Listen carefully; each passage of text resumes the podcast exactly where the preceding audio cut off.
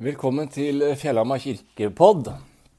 Jeg heter Tor Martin Synnes og er prest i Fjellhamar menighet. Jeg skal få lov å lese dagens prekentekst på femte søndag i åpenbaringstiden. Og dele mine tanker eh, med dere om den teksten. Og den teksten den står i Johannes evangeliet, kapittel 5, vers 1-15.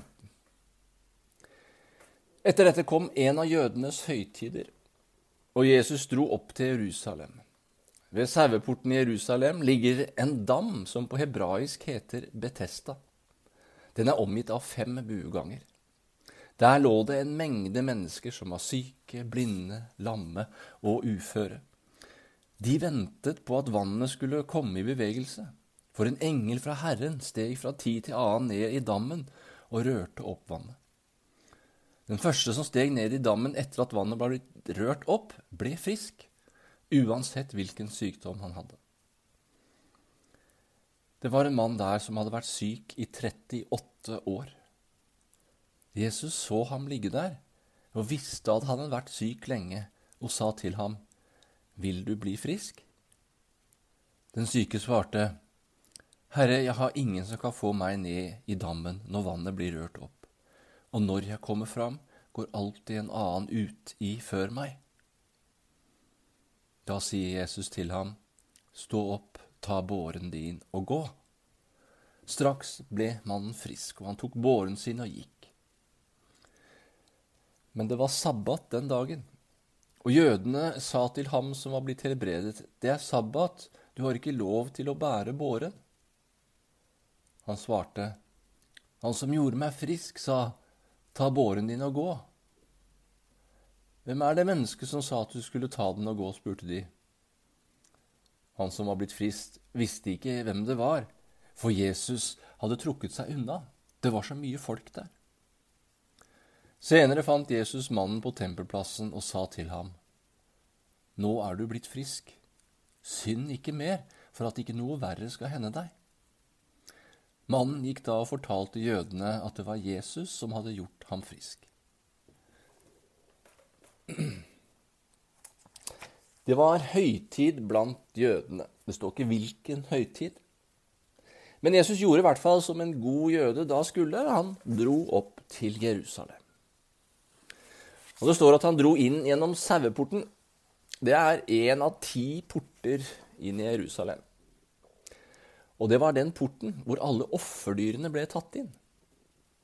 Så symbolikken er sterk og tydelig for Johannes når han forteller at Jesus, Guds lam, kom inn i Jerusalem gjennom saueporten.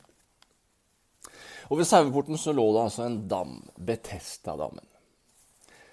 Inntil 1800-tallet eh, så var det ukjent for oss hvor denne dammen var, faktisk. Den ble først oppdaget da ved utgravninger og det viste seg at den var, hadde en størrelse med en fotballbane ca. 100 ganger 50 meter og 23 meter dyp. Og med fem bueganger rundt så var det et stort område. Og rundt denne rammen så lå det en mengde syke, blinde, lamme og uføre. Det er som en hel fotballbane med tilskuere av syke. Kanskje var det de som hadde gitt opp legenkunnskapen, eller legekunnskapen hadde gitt opp dem, og som lette etter alternative kilder. For Betestadammen, det var et alternativ. For som det fortelles underlig nok, en gang iblant ble vannet opprørt av en engel, og førstemann ned i vannet ble frisk, uansett sykdom. Betesta, det betyr barmhjertighetens hus at en som var syk, alvorlig syk, ble frisk på gåtefullt vis, er jo en barmhjertig hendelse. Men for et ubarmhjertig sted. Førstemann uti, det er jo den sterkestes rett. Eller kanskje sagt bedre den med best kontakter og penger til å betale hjelpere til å få seg uti, om du var lam, halt eller blind. Altså Mennesker med ulike handikap og funksjonsnedsettelser, funksjonsnedsettelser skulle altså kjempe mot hverandre. Det var én vinner og mange tapere. Det er en underlig fortelling, og det er en brutal helsekø. Selv om vi i dag i Norge har etterstreber en stor grad av rettferdighet i helsekøene våre, så er det jo ikke heller sånn at de er helt rettferdige i dag. Har du penger, så kommer du deg fram i køen.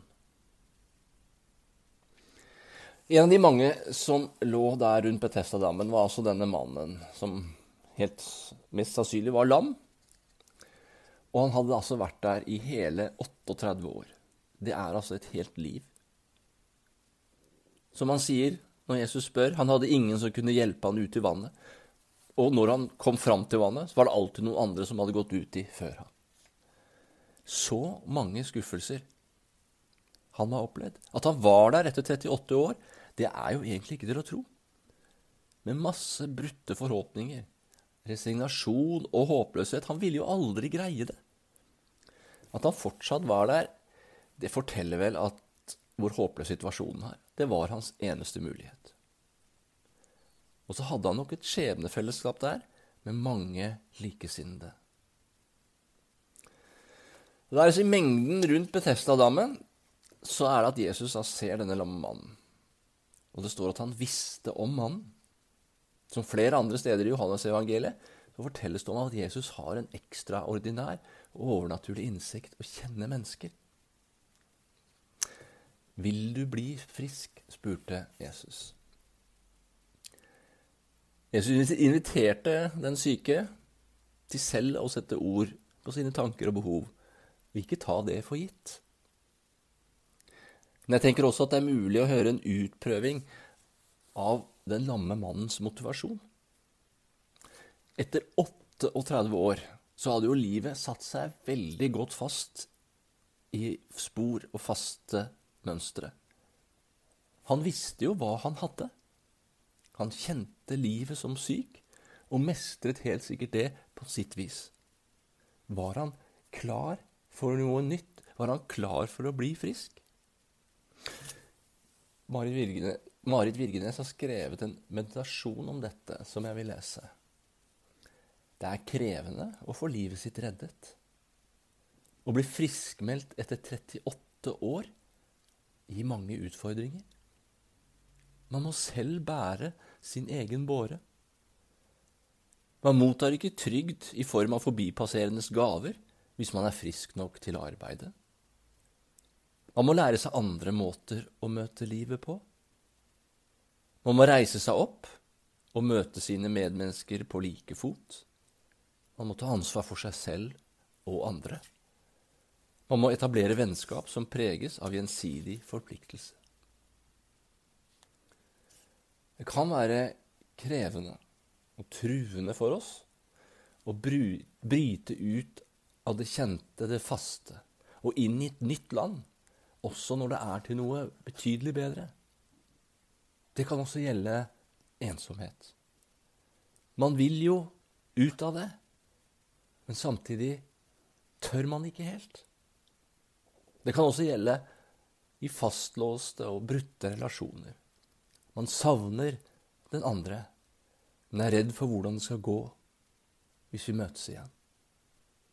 Å heles kan gjøre vondt. Å slippe livet til, å leve, kan bety å gi fra seg kontrollen. Vil du bli frisk? Mannen, den lamme mannen ville bli frisk, men han tapte alltid kampen rundt Betestadammen.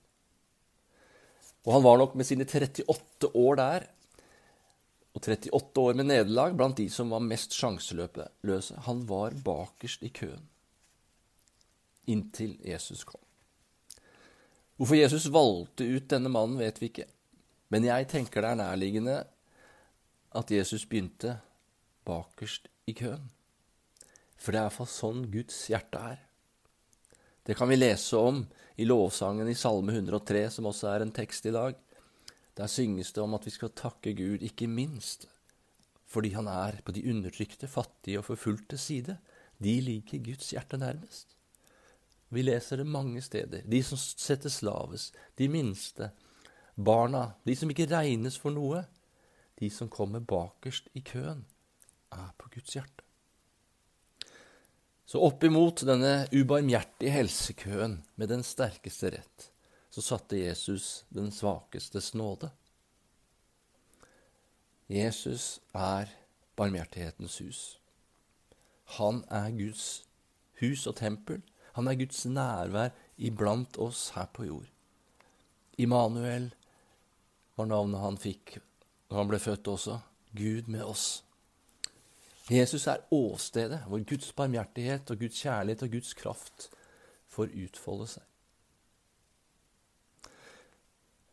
I Johannes-evangeliet så føles det om sju undre. Bygde opp rundt det. Eller sju tegn som Jesus gjorde. Tegn på at han var ett med sitt far. Tegn på at han var Guds sønn.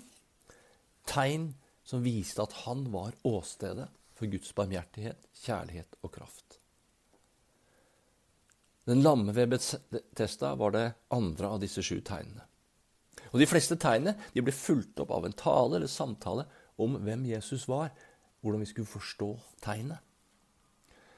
I første omgang kan det se til at helbredelsen av den lamme ved Betesta ble til en diskusjon med de religiøse lederne om det var lov å bære båre på sabbaten det som kan fremstå som en ubegripelig små, smålighet, og er opptatt av at det ikke er lov å bære en båre på sabbaten når en lam har blitt helbredet, det hadde en dypere grunn.